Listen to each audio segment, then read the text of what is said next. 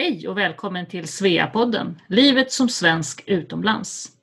Sedan vi hördes i förra avsnittet så kanske du undrar om Susanna som vi pratade med då. Hon är ju posterad i Libanon och precis efter att vi släppte det avsnittet så blev det mycket oroligt där.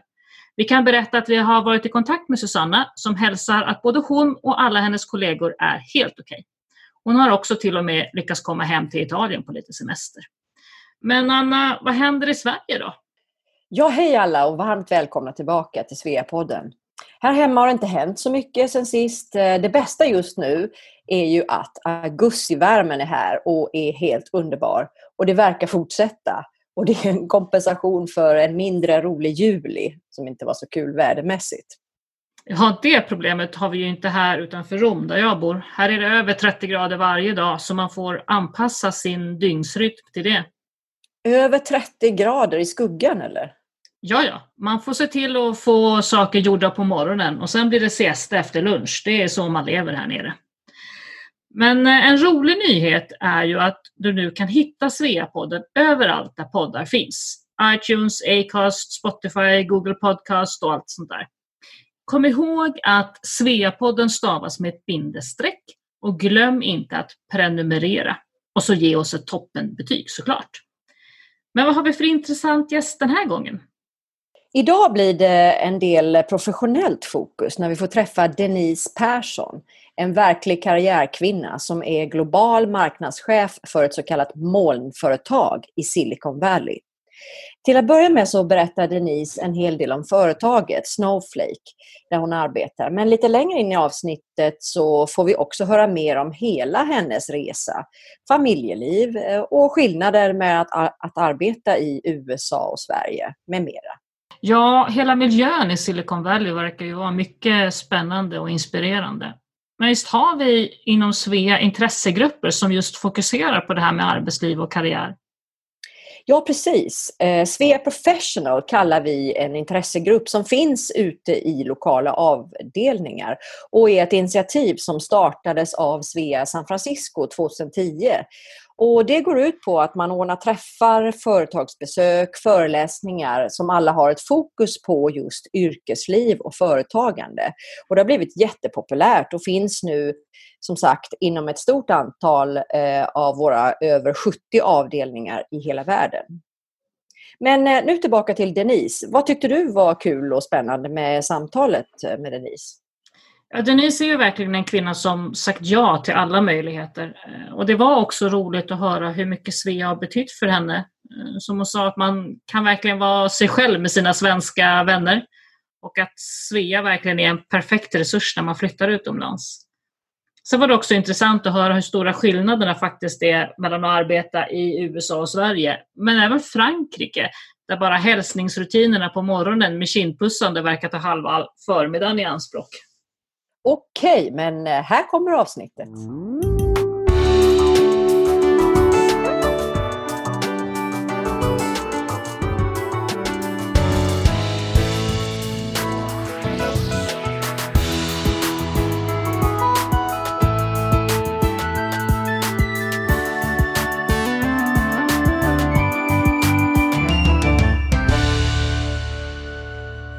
Hej, jag heter Denise Persson. Jag bor i Silicon Valley i Kalifornien där jag arbetar med eh, marknadsföring inom eh, tech.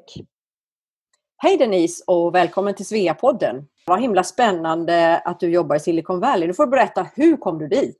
Vad kul att vara med här på podden eh, idag. Jag flyttade utomlands 1999, så att jag har varit utomlands ganska många år. Jag bodde fyra år i Frankrike. Eh, jag jobbade på ett franskt företag som heter Genesis som också fanns i Sverige på den eh, tiden. Eh, Genesis uppfann den första, första telefonmötestjänsten. Så väldigt liknande som Zoom är idag. Vi hade ungefär i stort sett en liknande tjänst. Jag var på det företaget i 12 år, började på deras kontor i Stockholm 1996 och sen några år senare fick jag möjlighet att flytta ner till Frankrike. Så jag bodde i Frankrike i fyra år. Och eh, sedan flyttade jag också med dem till USA. USA var vår största marknad så att jag flyttade först till eh, San Francisco där jag jobbade ett år.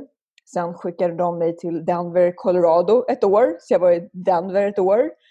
Och sen så var det dags att flytta igen. Vi flyttade nämligen vårt huvudkontor från Frankrike till eh, Washington DC. Så jag hamnade också fyra år i Washington. Och sen eh, såldes det här företaget eh, 2002 och då fick jag möjlighet att komma och jobba på ett företag här ute i Silicon Valley som marknadschef och eh, då kom vi tillbaka hit igen 2002 och eh, nej 2008, förlåt. Och eh, sen dess har vi faktiskt inte flyttat något mer. Det har varit väldigt skönt att få bo på samma ställe i, mm. eh, i 12 år. Men du, eh, du jobbar ju på det här företaget som heter Snowflake. Kan du bara lite mm. kort berätta vad ni gör? Ja, när man tänker på Snowflake tänker man, är det här ett, är det ett skidmärke? Är det här uh, skidkläder? Vad, vad är det här för någonting? Uh, Snowflake är en uh, dataplattform um, som gör att man kan lagra data i molnet för analys. Och eftersom vi lagrar datan i molnet så kan man då lagra enorma mängder um, data så att många av våra kunder har petabytes av, av data med um, Snowflake. Man kan också lagra all typ av data, för idag kommer ju data massa olika typer av format. Så det är det som gör Snowflake är lite annorlunda än andra dataplattformar. Jag har varit där nu i över fyra år. Företaget grundades faktiskt av två fransmän. Eh, de kom från Oracle och de hade väldiga problem att uttala Oracle så att folk förstod vad det företaget eh, eh, var. Så att Snowflake var ett namn som de kunde uttala så att alla förstod Eh, med deras eh, brytning. Så det är lite grann historien bakom namnet. Plus att de var väldigt intresserade av skidåkning. Och att um, som sagt Snowflakes kommer också från molnet där um, Snowflake kommer från. Vi som företag kommer från också. Så det är lite grann bakgrund till uh, namnet. Och du är global marknadschef. Så hur ser din dag ut och vad gör du? Jag ansvarar ju då för marknadsföringen eh, globalt. Det innebär ju all, all, all extern kommunikation, all utbildning av våra, våra kunder. Det handlar ju framförallt att, att eh, hjälpa säljsidan att dra in så leads för dem att ehm, jobba med. Så att, eh, inom techföretag har vi något som heter säljpipeline. Det handlar alltid om att bygga upp en pipeline av, av, av kunder som man sedan kan eh, stänga affärer med. Så min avdelning ansvarar för, så att säga, för um, Snowflakes uh, pipeline och att säljarna alltid har så att säga, nya leads att um, jobba med. Så en typisk dag, alltså nu är det mycket möten, det är mycket Zoom-möten, det är mycket så att säga, lägga upp planen för nästa kvartal, för, för, nä, för nästa år och hitta på nya, nya program. Nu kör vi allting virtuellt, så nu är det mycket virtuella events. Innan var det mycket eh, roadshows och sånt som vi är ute på. Så att, eh, nu har allting blivit digitalt. Eh, Marknadsföringen har verkligen förändrats mycket de här senaste fyra månaderna. Speciellt inom B2B tech så är det mycket, mycket events som man använder för att utbilda sina kunder. Nu är allting um, virtuellt. Så det är allt från events med tusentals personer online till uh, mindre, ehm, mindre events också. Kan du inte berätta lite om hur det är att jobba just i USA? Nu har jag jobbat mer utomlands än i Sverige. Så jag har jobbat nu här 18 år i USA och sen jobbade jag fyra år i Sverige innan dess. Jag kan tänka mig att den stora skillnaden, jag har ju fortfarande ett team, jag har fortfarande en, en marknadsavdelning i Sverige till exempel också. Men jag tycker den stora skillnaden är, är väl lite grann eh, hur snabbt allting går här. Hur snabbt man fattar beslut. Och framförallt i Silicon Valley så är ju en konkurrensfördel man har, det är hur snabbt man jobbar. Det gäller alltid att komma ut med produkterna snabbare än alla andra företag. Göra allting snabbare hela tiden. Det finns ju alltid någon som så här, biter en i hälarna här hela tiden. Just det med snabbheten i beslut, det tror jag kanske är en av de större skillnaderna mot Sverige. Så det är inte så mycket mö möten då som i Sverige, typ, där alla ska vara med och bestämma? Nej, men exakt. Inte att man har möten om samma sak flera gånger. Det kanske man har ett möte om den här saken, sen går alla tillbaks och funderar på den här saken, man kommer tillbaks och sen fattar man ett beslut. Och det är lite grann att ledaren har väl lite grann en starkare roll på så sättet att när ledaren har tagit beslut, då är beslutet taget och då är alla med och sen så kör man.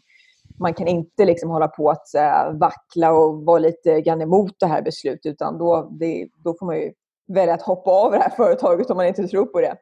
Hur känner du för det? Blir det mer press och stress då på, på den personen som du då som jobbar i USA eller än i Sverige till exempel? Eller vad tror du? Stora, alltså det som är kanske också den stora eh, anledningen till att kanske Snowflake har varit så pass framgångsrikt också, att vi har extremt erfarna personer som jobbar på Snowflake. Eh, ledningsgruppen, eh, de flesta där har, eh, där, de har jobbat med flera startups innan som har varit väldigt framgångsrika. De har helt enkelt erfarenhet av de områden som de ansvarar för. Och jobbar du med personer som har extremt erfaren, erfarenhet inom sitt område så är det mycket lättare att ta beslut också. Det är alltid mycket svårare när man är kanske 20-årsåldern eller 30-årsåldern och är ny på det man gör. Då är man ju självklart mer osäker på de besluten man tar även idag för mig själv. Jag har också jobbat med här 25 år nu, så jag har också lite erfarenhet på nacken också som gör att man, man vet ju lite mer vad som fungerar och vad som inte fungerar. Får man någon semester då om man jobbar i USA? Kanske många undrar. I Silicon Valley så är det väldigt vanligt att man har obegränsad semester, så att de flesta mm. företag har det. Och det innebär ju att eh, det finns säkert många som inte tar någon semester vet alls, och givetvis en del som tar längre semester. Men eh, jag brukar väl normalt sett ha, ja, vara i Sverige tre veckor per sommar. Men det är inte det att man kanske stänger av helt, i alla fall inte den funktion jag är. Så får man väl lite grann checka in varenda dag, kolla sina e-mail och kanske vara med på ett och annat möte. Men jag känner ändå här tar man med liksom en dag ledig lite då och då också. Här tar man med kanske en långhelg man tar kanske eh, torsdag, fredag ledigt. Och jag känner i Sverige så var det mer att man tar sin långa semester på sommaren eller på, runt julen eller något sportlov. Man kanske inte tar en dag här och där lika mycket som man gör här. Så det är lite mer vanligare här att man tar en lite längre helg och så vidare. Men jag är för semester. Och där tror jag eh, där har nog min, tur, min, min team väldigt tur att de har en svensk chef som är verkligen för semester. För jag tror att semester det är extremt viktigt att få hjärnan att, äh, att vila från det man gör, att få nya intryck, få ny, få ny energi. Det är otroligt viktigt. Man kan inte hålla på att traggla samma sak hela tiden utan då, då blir man helt insnöad i det man håller på med. Tycker du att amerikanerna annars kör lite för hårt, eller? Ja, det tycker jag absolut att de, att de gör. Och ibland att, att, att, lite grann att man jobbar lite grann för att, det, för, för, sak, för att det ska se bra ut att man, att man jobbar. Det är väl lite grann äh, skillnaden, liksom, att man verkligen äh, att man, många sitter där och kanske inte gör någonting. Det var det jag, kanske den största chocken jag fick när jag kom först till USA då trodde man sådär, ja men allting kommer vara så effektivt här, hur ska jag hänga med, det kommer gå så snabbt. Jag kände att wow, det här, var ingen, det här är inget problem för oss som svensk. Vi är ganska liksom metodiska, effektiva när vi, när vi jobbar. När man jobbar, jobbar man. Och sen när man går hem, då går man hem. Men här satt många i sina vet, cubes, så här man sitter såna här, inom såna här äh, väggar och gjorde allt möjligt istället. Det kanske satt och sov till och med i de här cubesen. Och det hände inte så mycket alls. Och där, där tror jag mer, där, där var en stor skillnad. Man jobbar lite grann för att det, man, ska, man ska se ut som man jobbar, men man kanske inte egentligen jobbar. För det går inte. Ingen människa kan ju vara sådär effektiv och verkligen leverera, leverera nonstop. Så att, äh, det är bättre att när man är där, när man jobbar, jobbar man. Och sen så går man hem, så går, då går man hem. Om vi, om vi backar lite grann till Sverige då. Var i Sverige har du dina rötter? Jag Växte upp i Stockholm, föddes på Söder, så att jag är väl ganska urstockholmare på så sätt. Eh, jag spenderade också mycket tid uppe i Roslagen också. Min familj hade en gård uppe i eh, Roslagen, Östhammar. Så jag växte upp med ganska så stora traster. På helgen då var man på landet, eh, körde traktor, ute och fiska, jagade, högg sin julgran själv, ja, jobbade på gården och så vidare. Och sen på, i veckorna så var jag mitt inne i eh, Stockholm. Så att, eh, och eh, jag gick på Franska skolan i 12 år. Så att jag har alltid haft en väldigt stark anknytning till Frankrike också. Sen blev det så att jag jobbade fyra år där också. Och Frankrike är nog ett av mina favoritländer om man tittar på de ställen jag bott på. Och jag har fått resa väldigt mycket med mitt jobb också. Så är Frankrike en av mina favoritländer. Jämför lite där och jobba, och, eftersom du har jobbat i Frankrike då, och där du jobbar nu, vad är skillnaderna då? Då är de kontrasterna väldigt stora. Och just när jag flyttade ifrån, även om jag hade gått på franska skolan, jag har varit nere och praktiserat i Frankrike, varit i Frankrike på, på semester givetvis, så var det nog större kulturella skillnader att flytta ner till Frankrike från Sverige än vad det var att flytta till USA tiderna, alltså man kommer in på kontoret lite mer sådär 9.30, 10 kommer man in.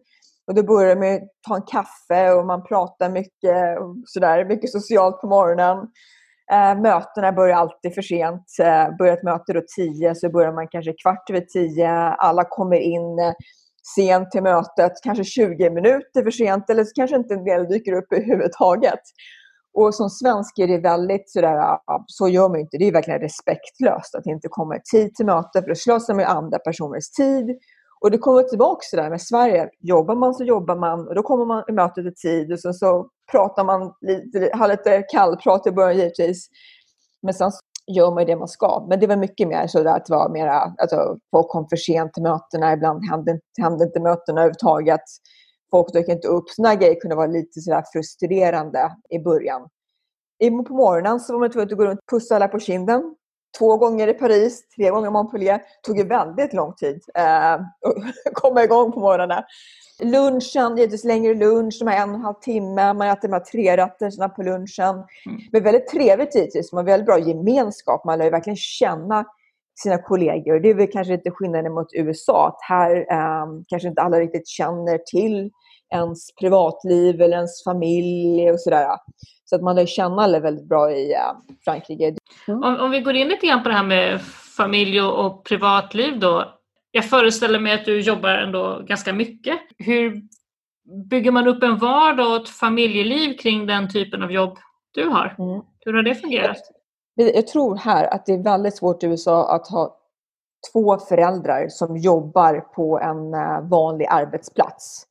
Eh, man spenderar ganska mycket tid eh, att åka till jobbet. Det är, det är mycket, mycket trafik. Det är svårt. Min man är arkitekt så att han har lite mer flexibilitet ehm, i sitt ehm, arbete. Han var den som var hemma mest med barnen när de var mindre. Vi hade svenska au pairer och tyska au pairer när barnen var mindre. Men det behövs ju ändå någon som är hemma om det händer någonting. Man kanske behöver åka till doktorn eller någonting. Det går inte att vara en timme bort från sitt hem då. Så att, eh, min man jobbar ju hemifrån hela tiden, så att han var ju den som alltid fanns där. Behövde någon gå till doktorn, behövde någon gå till tandläkaren. Men annars är det enormt svårt här i USA att ha två personer i, i, ute i arbetslivet, i corporate America som man säger. Hur, hur gör folk då, då? Hur fungerar det då, så att säga, för gemene man som inte riktigt har de möjligheterna? Hur, hur ser det ut för en eh, medelklass amerikaner? Så att säga? Exakt, men det är ju mycket hemmafruar här givetvis och även nu hemmapappor. Mycket mindre vanligt givetvis, men äh, många mammor som är hemma med barnen. Många som har fulltid nannies givetvis. Man pratar med mina kollegor, då har de nannies som de jobbar över 50 timmar i veckan hos dem. Så att, äh, så att det är mycket har nannies, ja, hemmafruar. Det finns även dagis, men dagis är inte någonting som så att säga, det är inte alls på samma nivå som det är i Sverige. Det, Nej, det, har, det har väl ofta öppettider som kanske inte korrelerar till arbetstider utan då måste du ändå ha en nanny som åker och hämtar och lämnar dem. Ja exakt, en del av de här dagisen kan i och för sig vara öppet väldigt länge. De kan vara öppet från sju till, eh, till sex på kvällen. Och så finns det vissa företag som har dagis på arbetsplatsen eh, också. Men det är väl det som är verkligen den, också den stora skillnaden här mot USA och Sverige är ju det att det finns ingen säga, bra eh, barnpassning på det sättet. Det är kanske inte riktigt acceptabelt att man bara går hem klockan fyra för att hämta sitt barn på dagis på det sättet eh, överlag. Men samtidigt så tycker jag att Silicon Valley har mycket så säga, flexibilitet eh, på jobbet.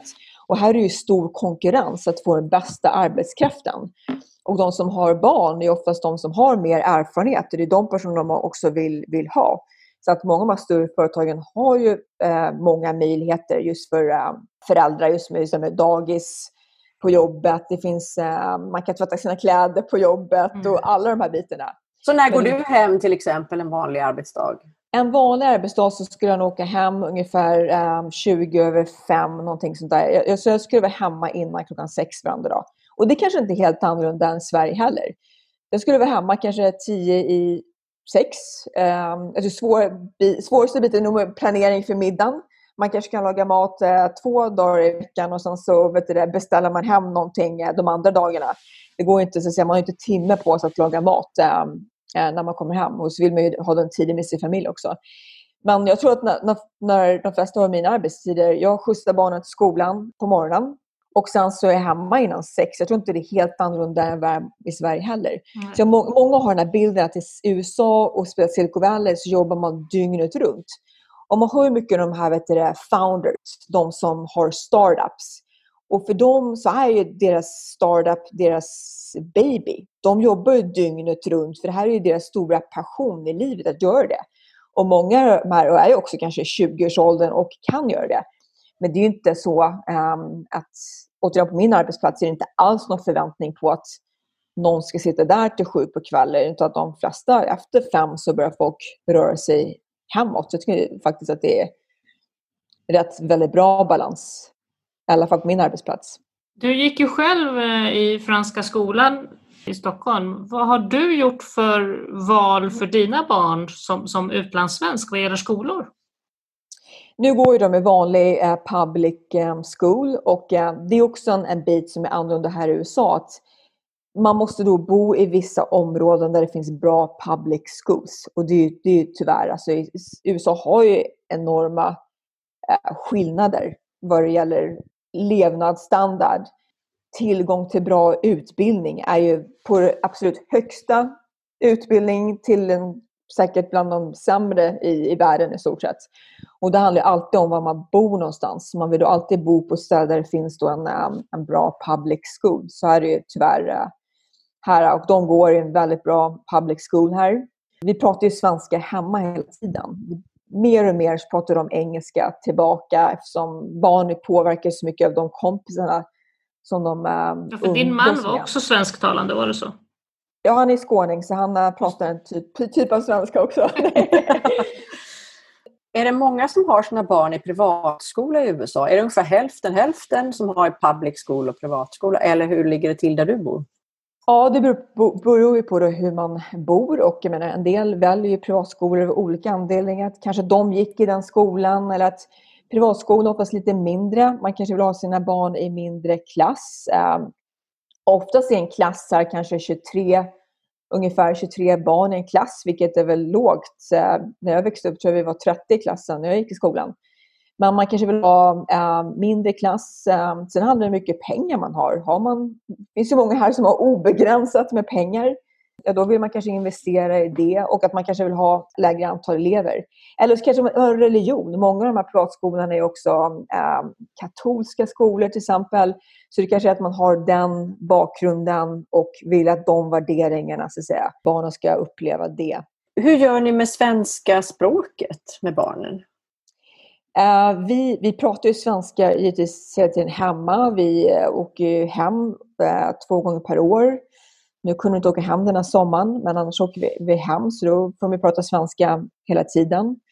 Men eh, sen har vi Skandinaviska skolan här i San Francisco och de har faktiskt eh, svenska skola för barnen som de kan gå på efter skolan.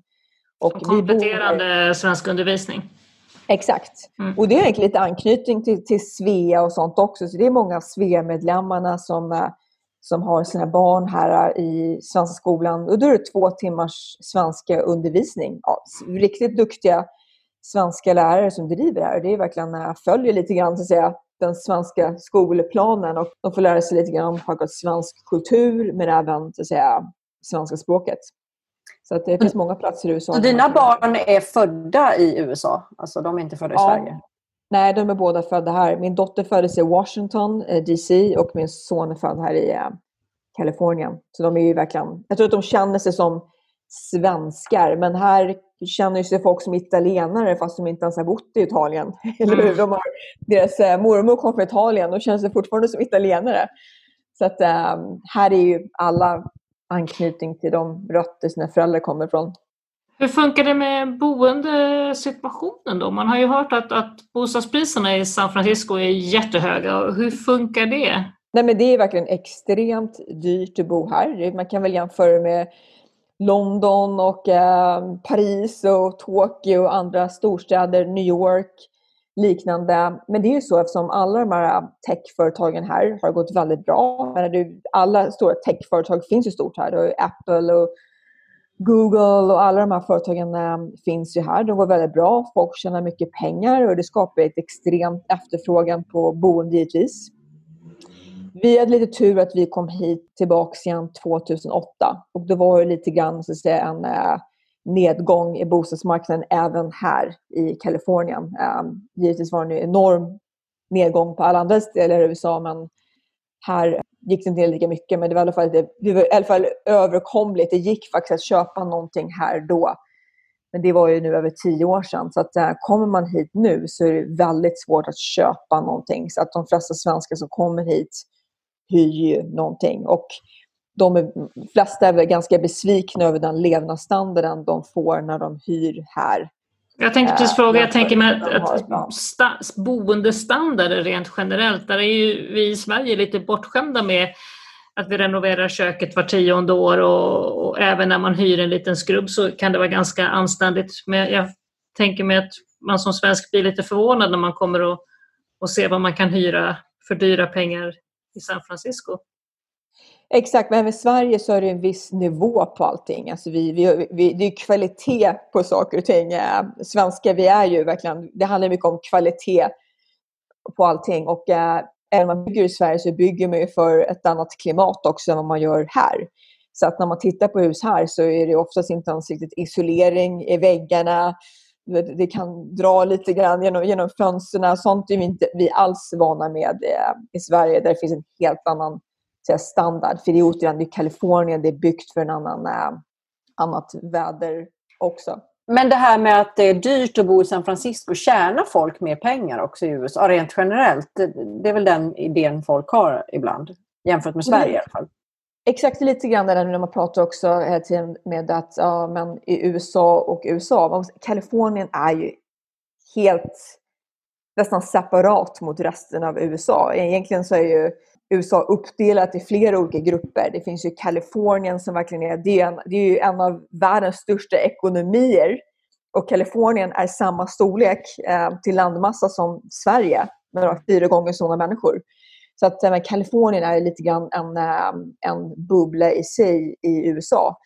Och eh, lönerna, det kan ju vara dubbelt, man kan ju vara dubbelt så eh, mycket betalt här i Kalifornien som du skulle få om du bor någon annanstans eh, i USA.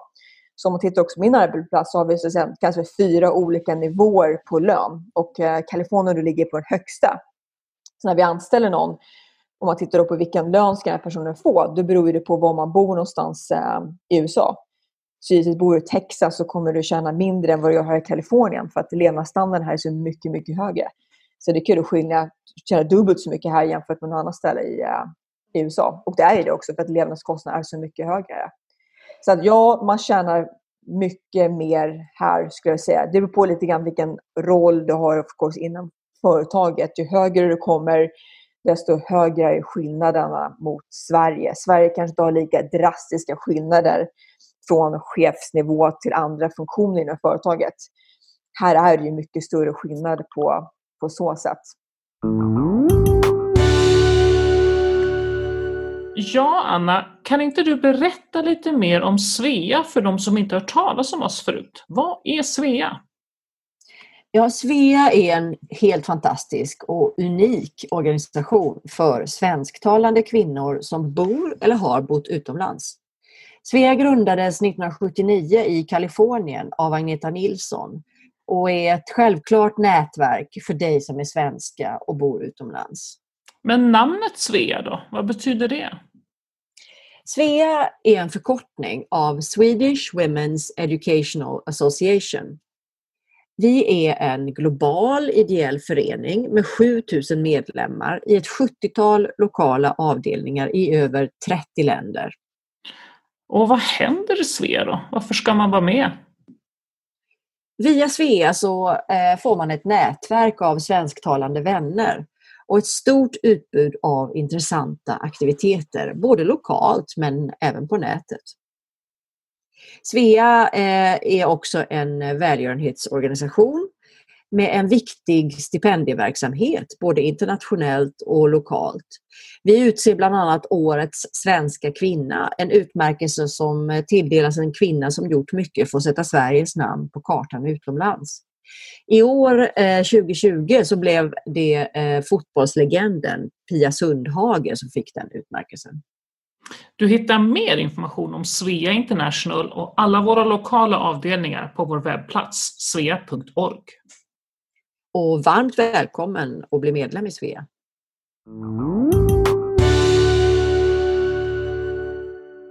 Om det är någon som blir inspirerad av din, ditt liv här och det du håller på med och vill till exempel jobba i Silicon Valley, har du några råd att dela ut? Hur gör man om man vill komma till exempel till USA och jobba?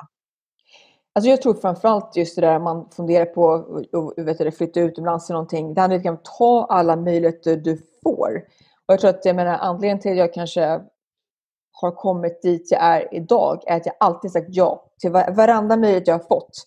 Så jag har ja på en gång. Att man, många tvekar. Ska jag? Ska jag inte? Och jag känner många som har fått enorma möjligheter. Man gör, oj, då fick de här möjligheten att det här, det här fantastiska jobbet i New York. Sen så var tvekar de, nej men jag ska nog inte göra det nu. Men det är så att alla möjligheter kommer inte alltid igen. Man, jag, tror, jag växte upp lite grann och sa ah, att det finns ju alltid en, en till chans. Jag vet inte vad jag tror på det riktigt, utan jag tror lite grann när man får chansen, säg ja.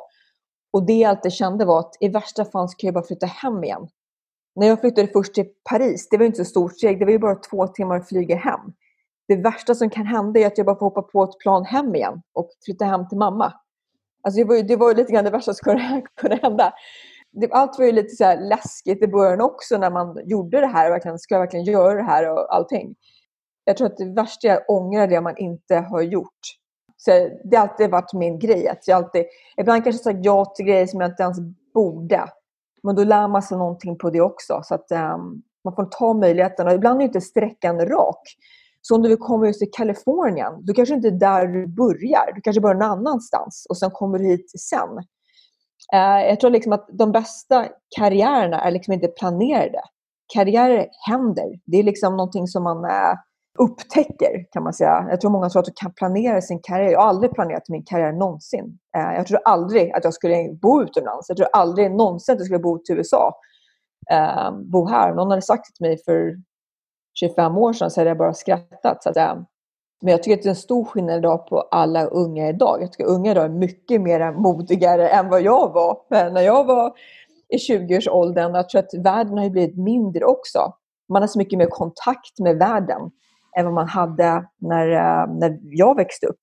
Nu finns det så internet och man har Facebook och man har mycket mer teknologi har gjort hela världen eh, mycket mindre. Jag tror allt känns mindre läskigt. jag menar, det var ju dyrt att bara ringa hem. När jag flyttade utomlands så var det dyrt att ringa mamma. Jag ringde min mamma nästan varenda dag och berättade vad som hänt under dagen och så vidare. Det var ju dyrt att göra det. Nu, nu finns det inga sådana hinder. Du kan ju sitta med Skype eller Zoom med dina vänner i Sverige liksom, dygnet runt om du vill. Det finns ju ingen kostnad. Så att säga, som... Låt oss tänka tillbaka bara. Säg att det är någon som lyssnar här som känner att jag vill verkligen jobba i Silicon Valley. Hur ska man göra då?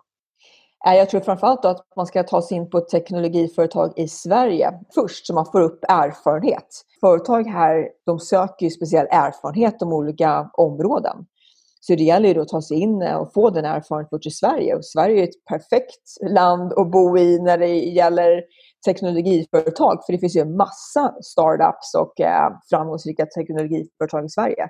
Så det är där man får börja. Så att säga, för att eh, Silicon Valley är i stort sett, jag menar, nästan 100% tech på det sättet. Det var det jag gjorde. Jag började på ett techföretag i Sverige. Nu hade jag aldrig någon plan på att komma till Silicon Valley någonsin. Men eh, det var så det började. Sen sa du ja helt enkelt? Ja, så jag, jag har alltid sagt ja hela tiden. Och sen så Alltid ja. Jag säger alltid ja på en gång och sen så funderar jag lite grann efteråt om det här var... men det har liksom fungerat för mig. Men jag tror inte man kan hålla på och tveka så mycket. Du, måste man ha pluggat teknik för att jobba i teknik? Har du plugg, är du civilingenjör eller måste man kunna Nej. teknik? Så? Och det tycker jag är en jättebra fråga faktiskt. För att inom teknologiföretag så finns det så många andra arbetsuppgifter. Marknadsföring, eh, till exempel. Jag har ju en marknadsföringsbakgrund och marknadsföringsutbildning. Just det med teknologiföretag är att alla företag kommer att bli teknologiföretag i framtiden. Allt idag är ju teknologi alla företag måste arbeta med, med data och använda teknologi för att äh, bli framgångsrika. Så att äh, det här, liksom, äh, vad säger man, äh, the blur, liksom, så här, skillnaden mellan vad som, vad som inte är teknologi och inte. Till exempel Tesla. Är Tesla ett teknologiföretag eller ett äh, bilmärke till exempel? Skillnaderna suddas ut Man bör absolut inte ha en teknologibakgrund. Det är framförallt för de som är engineers. De som jobbar på utvecklingsavdelningen, de måste givetvis ha det. Mm. Och de som är mer verkligen på produktsidan, de har ju verkligen äh, mm. djup erfarenhet och utbildning inom det. Men de flesta andra har ju inte det. Mm. När vi pratade lite grann om, om skola och sådär så nämnde du Svea och så. Hur mycket erfarenhet har du haft av, av Svea genom åren som utlandssvensk? Här i USA så har jag varit medlem i Svea hela tiden och vi är en fantastisk eh, organisation. Har självklart lärt känna många av mina vänner via Svea. Man har en del svenska vänner här också så att eh, fantastisk organisation också när du flyttat till ett nytt land. Det är ju det, är det första du ska göra. Innan du flyttar så ska du ju kolla upp Svea helt enkelt. Innan. Bra knep. Och det, ser, exakt, det är ett bra tips. för att um, De flesta Svea-organisationer har också en uh, egen Facebook-grupp till exempel. Ofta ser jag här också de som är på gång att flytta till Kalifornien hit.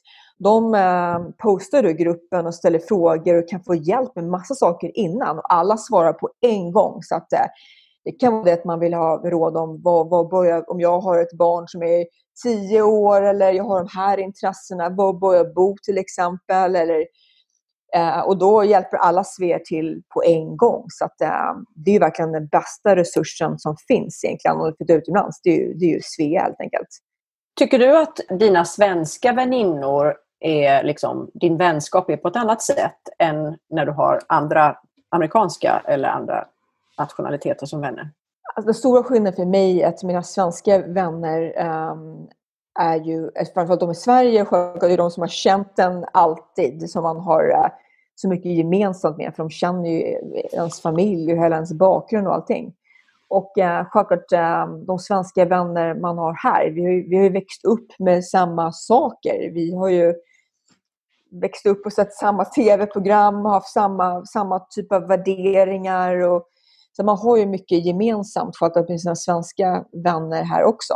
Det är ju det, med sina amerikanska kompisar eller här i Silicon Valley är det så otroligt mycket mångfald. Så man har ju vänner från alla länder över hela världen. Det är ju det att alla har olika bakgrunder. Det är ju det som är väldigt intressant, självklart att, man, att lära sig om, om deras bakgrund. Och det är det som gör det spännande att vara utomlands, att man får lära känna så många olika typer av människor.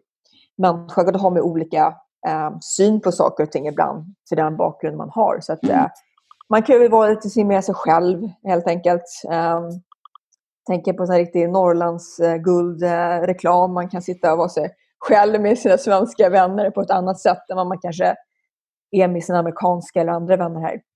Du, hur, hur håller du kontakten med dina vänner i Sverige och hur, hur, lyckas du med det? Är det viktigt för dig att åka hem ofta och hur känner du att den relationen med dina gamla vänner i Sverige ändras liksom, ju längre du bor ute?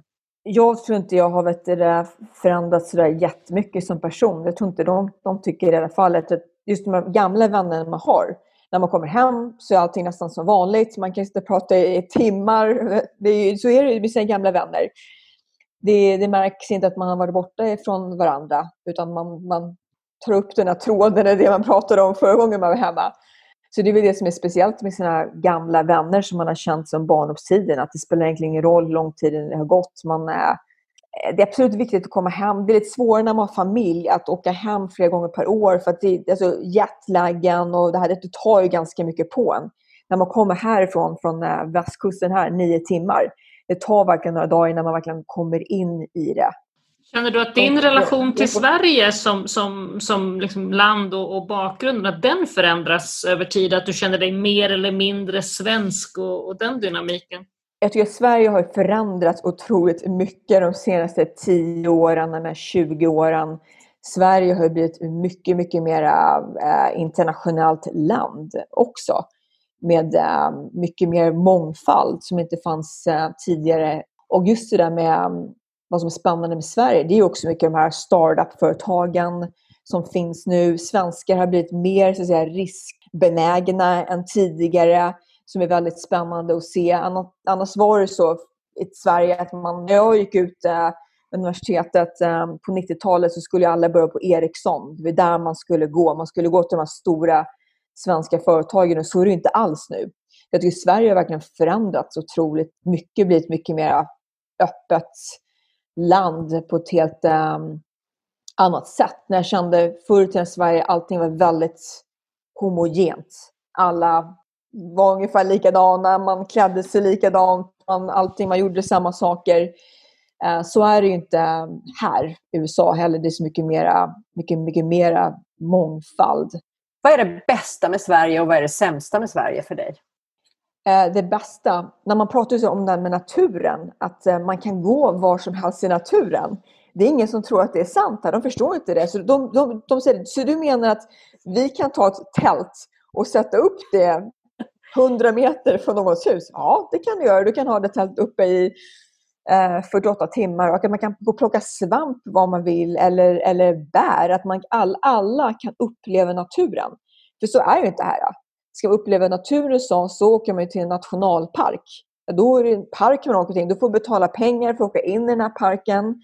Annars är det någons mark och då är det no trespassing. Du kan inte gå in på någon annans äh, mark och plocka äh, bär eller svamp.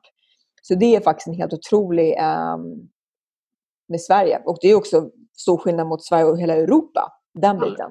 Allemansrätten helt enkelt. Exakt, allemansrätten. Och just det där med allemansrätt, bara det ordet. I Sverige har ändå i stort sett alla samma möjligheter. Alla kommer givetvis från olika bakgrunder och en del bakgrunder kommer försöka göra det lättare för olika människor att nå sin fulla potential. Men i Sverige finns det ändå skola för alla. Det finns lunch gratis i skolan för alla. Det finns fritidsverksamhet som i stort sett alla kan ha råd med. Sport kan i stort sett alla ha råd med. Men så är det inte här.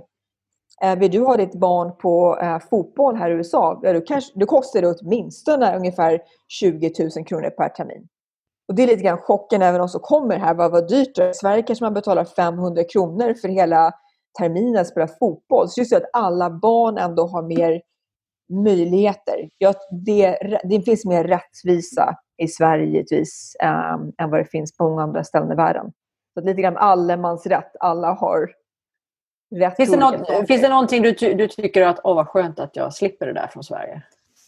Det är väl lite grann det där att allting är så homogent på ett sätt också. Att allting är ganska sådär lika och eh, det också. Så det är väl lite grann bak... Jag föredrar i alla fall det eh, än tvärt, tvärtom på ett sätt. Men det är väl lite grann det att man, man kommer hem och känner att allting, alla, alla, alla, allas kök ser likadant ut. Allt, allting är ganska så här likadant. Man, alla dras lite grann åt samma håll ibland. Just det att man ska ha, just det med, det med Volvo och jag har givetvis Volvo också. Och Vove och, och, och, och husar.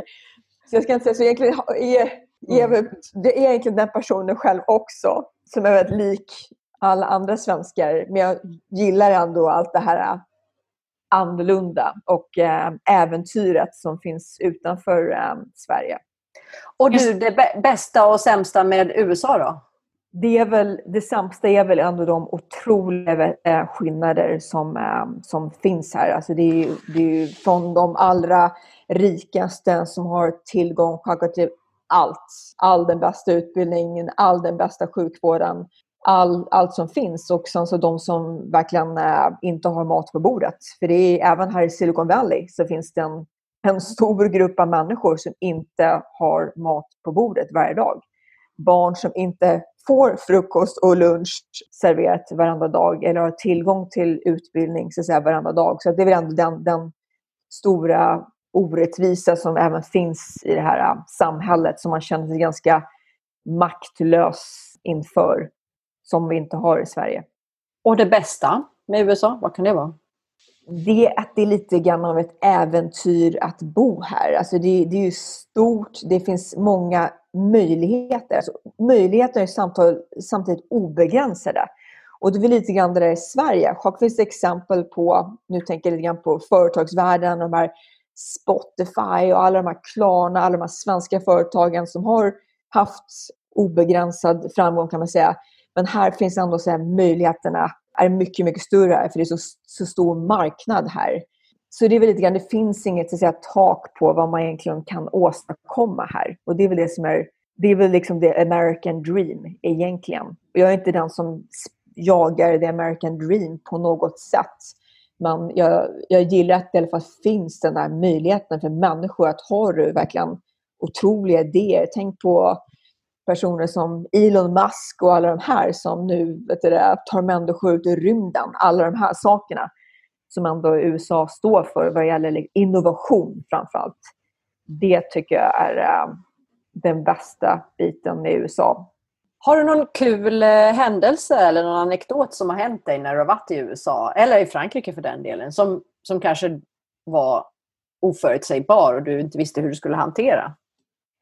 Jag tror att man får vara beredd på att det är så nästan varenda dag. Jag tror att det är lite grann som är spännande också, att varenda dag ser inte likadan ut. Jag tror att kanske det jag har gillat med att vara utomlands. Att, jag menar, när jag bodde i Frankrike så fick man upptäcka nya saker varenda dag och det var ganska svårt där också. för att eh, Eh, framförallt om, ändå, om man inte pratar franska perfekt flytande så är det ju inte så att säga, lätt att hantera allting i Frankrike. Just det med Frankrike, det viktigaste man kan ha i Frankrike är ju sin elräkning. I Sverige så är det att man har ett eh, personnummer. Har man inget personnummer i Sverige då, då är det väldigt svårt att göra någonting. Och Det är det som är svårt för många som kommer till Sverige. de har inte fått ett personnummer och då kan de inte öppna ett bankkonto och så vidare. I Frankrike är det med eh, sin elräkning, att man har sin EDF-räkning som man har med sig överallt. Har du ingen elräkning, då, då, då är det väldigt svårt att göra någonting. Eh, så det är just att man upptäcker nya saker tror jag, varenda dag. Och det är svårt ibland. Jag tror också man får vara beredd på något, för alltså, det kommer vara svårt. Jag tycker det har varit väldigt jobbigt eh, de första sex månaderna, ett år, när man kommer till ett nytt land. Man får vara beredd på det. Så man får inte skrämmas i början, för det kommer bli bättre. Så jag tror också det är för alla som ska flytta utomlands. I början kommer det vara jobbigt. En del har det fantastiskt kul från början och grattis till er, men så har det inte varit för mig någon gång. Eh, jag kommer på när vi flyttade tillbaka till San Francisco igen. Vi hade en fyra månaders eh, bebis med oss. Allting egentligen tio lådor ehm, som skulle flyttas ut hit från Washington. Jag skulle börja ett nytt jobb här dagen därpå. Och vi kommer fram och varenda låda är helt totalt sönderslagna. Ehm, allting, du vet från TVn till barnsängen, liksom allting. Och det är liksom vårt första dag, vår första erfarenhet är att allt, ingenting fungerar liksom på flera månader.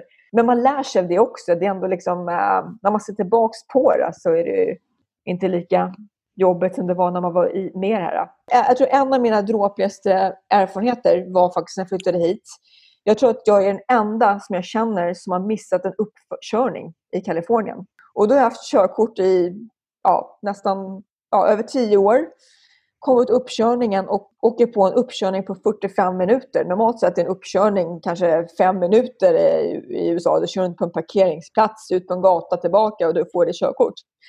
Men eh, den här uppkörningspersonen eh, eh, tog mig på en runda på 45 minuter runt San Francisco och I USA kan man normalt sett köra höger på rött.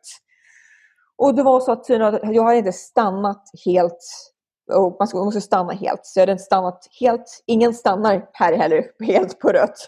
Så man, man gör en California roll som det heter. Så jag har alltså gjort en uh, California roll, kommer tillbaka efter 45 minuter och säger nej, du klarar inte uppkörningen. Och, uh, jag fick ju bara köra därifrån igen, för jag hade ju ett svenskt körkort i alla fall. Men uh, jag tror att jag är den enda som inte har klarat uppkörningen i USA. Men du klarade det sen? Du fick göra om det sen? Den klarade jag, så fick jag det på en gång. Då hade jag hade köpt en bil också. Det är så, har, man köpt en, har man en bil i USA måste man ha ett amerikanskt körkort. Så jag hade köpt min Volvo givetvis. Så jag hade min Volvo eh, som eh, fick stå och vänta tills jag kunde köra upp nästa gången. Men det är så man kan köra då med svenskt körkort på ett, med en hyrbil. Så att, eh, det. det, var, det, var lite, det var lite snopet, men det gick bra den andra gången. Du, jag skulle jättegärna vilja fråga dig också hur det är att vara tjej och jobba i USA och i den världen där du befinner dig, eller kvinna. Tycker du att det är jämställt i USA? Är det lika mycket tjejer som killar? Och känner du att du ibland blir... Ja, känner du dig jämställd? Jag personligen känner jag mig jämställd nu, men det finns absolut inte samma jämställdhet här som det finns i Sverige. Det, det, det finns det är stora skillnader. Och det jag ofta säger är, eh, vi har oftast, eh, oftast svenska företagsgrupper som kommer till eh, eh, Kalifornien och så kommer de på besök hos oss. Och jag säger till dem innan, när vi ska presentera för de här svenska grupperna, kolla nu när den här svenska gruppen kommer.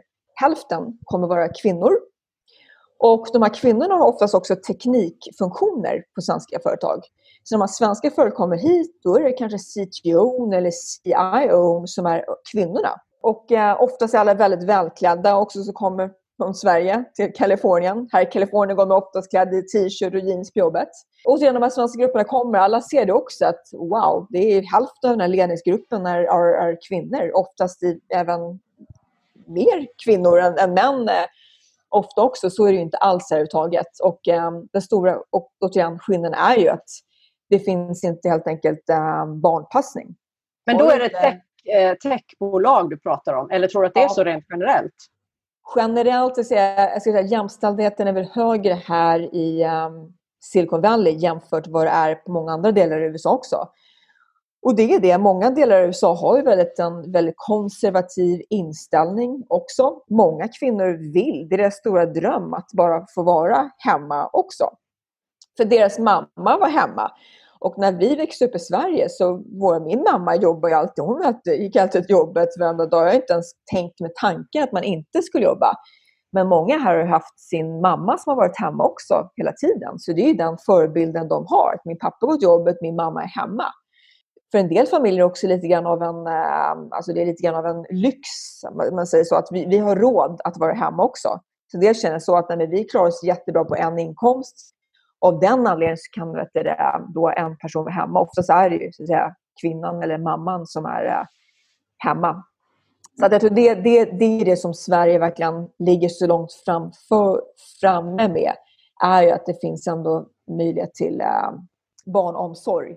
Tror, tror du att du kommer att stanna för evigt där i USA eller kommer du att flytta hem någon gång? Jag säger, jag säger aldrig att någonting är för evigt. Um, faktiskt. Ehm, nej, jag kan tänka mig att flytta till Sverige igen. Jag tror att det är min ehm, ultimata situation. Det skulle vara lite grann ha lite både och. Tänk de här som är hemma över sommaren och sen så är de i Spanien eller USA på vintern. Nå någonting lite grann av en kombination. Men jag tror att det är mycket lättare att ha den kombinationen idag än vad det var förr i tiden. Det finns så mycket mer möjligheter att resa idag än vad det fanns i förr i tiden. Så att jag, hade nog gärna haft någon typ av um, kombination kanske. Men uh, jag är svensk i mitt, i mitt hjärta och kommer alltid vara på det sättet. Så att, um, jag kan tänka mig att bo i Sverige igen. Det faktum att din man också är svensk, tror du att det har påverkat eh, er liksom, kultur och förhållande till Sverige någonting? Hade det varit annorlunda om du haft en amerikansk man, tror du? Ja, det tror jag är väldigt stor skillnad. Eh, för jag har också svenska kompisar som har en amerikansk man. Och de har inte riktigt den samma möjligheten kanske att återvända. För deras man pratar kanske inte svenska, vilket gör det lite svårare att flytta till Sverige. Och det är kanske ganska stor, det är en stor kulturell skillnad i att flytta från USA som amerikan till Sverige. Det är svårt att komma in i det, mycket svårare att komma in i det svenska samhället när man inte pratar svenska till exempel. Så att, ehm, så att vi har den möjligheten eftersom vi båda är svenska att eh, kunna återvända. Står det liksom högt i kurs att vara svensk i USA rent generellt? Känner du att folk ser upp till Sverige lite grann? Eller är det tvärtom? Jo, um, nu är det för en speciell situation. För nu, så fort man säger att man är svensk, då börjar alla prata om oj, oj, oj, det är så svårt i Sverige just nu beträffande den här Eh, covid-situationen. Så just nu är det lite speciellt att vara svensk för det är det första de tar upp. Hur är det med din familj och hur klarar sig alla i Sverige? Så det är lite speciellt just nu men annars så tror jag man ser eh, svenska jämställdheten, kvaliteten äh, i Sverige är ju känt över hela världen. Så att man, bara att man är svensk så, så rider man ju lite grann på det som, som svensk och att eh, ja, vi anser oss vara väldigt pålitliga personer som, som jobbar hårt och så vidare. Kanske att vi inte är så öppna alltid, eller hur? Det är så svårt att läsa av en svensk. Och det kan också kanske vara en fördel att inte vara riktigt en öppen bok heller. Men jag tror att vi är väldigt, är väldigt raka. Alltså vi är väldigt raka i vår kommunikation och tydliga. Men eh, jag tror att de ser oss som lite grann svåra att eh, läsa av hur vi egentligen känner för någonting ibland. Vi överdriver ju aldrig någonting. Eh, det är också väldigt stor skillnad här att här överdriver vi alltid någonting. Om man pratar om hur framgångsrikt sitt företag är så är det ju så otroligt framgångsrikt. Och allt går ju så otroligt bra. och in, intervjuar en svensk på samma typ av företag så säger svensken Nej men eh, det, det, det, går rätt så okej okay, eller um, så vidare. Det går rätt vi, okay. vi är nöjda. Mm. Vi är nöjda. Not, not, not, bad. Not, not bad. Det är första då svenskan säger på, på engelska. Och så får man då jobba med de här svenska. Okej, okay, pratar du nu med internationell press då måste du liksom överdriva det här någon gånger tio. Ta i från tårna. Har du, du fått lära dig att ändra din sätt att kommunicera efter att du har flyttat till USA? Ja, det tror jag faktiskt verkligen. Där, där tror jag också mest där tror jag mer som att jag förändras som per person. Kanske inte att man vill överdriva om, sin, om sig själv som person. För det gör man inte grann som, som svensk på sättet. Men du måste ju ändå göra det ibland vid stationer, just på intervjuer givetvis. Om du har en anställningsintervju så måste du verkligen eh, dra på lite grann. Inte, inte förvränga någonting, men du får inte ta ner dig själv. Du måste ju verkligen säga vad det är du har gjort. Men i Sverige kanske man skulle tona ner sig själv lite grann. Men också som, som sitt företag, jag arbetar med marknadsföring. Mitt jobb är ju att vet du, marknadsföra det företag jag jobbar på. Då går det inte sådär att tona ner någonting eller hålla tillbaka någonting. Då måste man ju vet du, ligga på lite grann. Så där undrar jag kanske om jag kommer tillbaka till Sverige om det skulle bli lite mer kulturproblem, att jag skulle komma där och låta så extremt entusiastisk och överdriven av allting så folk skulle bara klarar inte av den här personen längre. Så, att, eh, jag skulle nog kunna anpassa mig eh, var jag än kommer. Men, ja, men här måste man verkligen, det är det det handlar om. I USA måste du sticka ut. Det är 330 miljoner människor. Om inte du kan sticka ut eller så att säga framhäva dig själv eller ditt företag, ja, då är det väldigt svårt att eh, lyckas här. Mm. Hur ser dina sommarplaner ut nu och vad, vad kommer du, du kanske inte kommer komma hem till Sverige i sommar. Vad gör du i sommar? Jag tror vi blir här hela sommaren, eh, tyvärr. Eh, det verkar väldigt svårt att få flyg hem till Sverige. Och, eh, min dotters pass har gått ut också. Och det finns, inga, det finns inget ställe att få ett pass i USA nu. Så hennes pass gick ut i juni. Det finns inget passkontor i hela USA som är öppet. Eh, jag antar i Sverige kan man fortfarande få ett pass. Så det är lite grann skillnaden här. Så vi har inget pass vilket innebär att hon kan inte komma tillbaka till landet igen om vi åker till Sverige. Så vi blir nog fast här tills eh, de öppnar passkontoren igen. Eh, vi har köpt ett nytt hus som behöver fixas med. Så att eh, nu på helgerna, så att, eh, nu har jag målat ett rum här i helgen. Så det blir att åka till eh, byggvaruhuset och eh, snickra och måla. Det är, man måste ju lite grann, jag tror alla måste säga um, ehm, fokusera sitt eh, mind på något annat nu. Man kan inte titta på nyheterna nu hela tiden.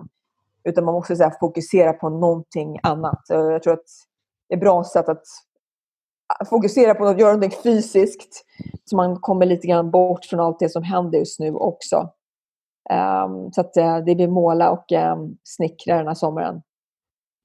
Ja, men du, det låter ju härligt. Det var jättekul att få ett eh, samtal med dig och spännande att höra om ditt liv och det här fantastiska företaget. Tusen tack Denise. Vi önskar dig all lycka till och eh, vem vet, vi kanske får höra från dig i framtiden också. Tusen tack för att jag fick vara med idag. Ja, tack så mycket. Tack för att du lyssnat. Den här podden är inspelad och producerad för Svea International av Anna Brill och Maria Schacki. Musiken är skriven för Svea av Fredrik Åkerblom. Svea-podden finns nu på de allra flesta ställen där du hittar poddar. iTunes, Google Podcast, Spotify, Acast och så vidare. Om du saknar något ställe, skicka ett mejl till sveapodden gmail.com. Mer information om Svea hittar du på vår webbplats svea.org och i sociala medier där vi finns på Facebook, Instagram och LinkedIn. Och där hittar du oss som Svea International.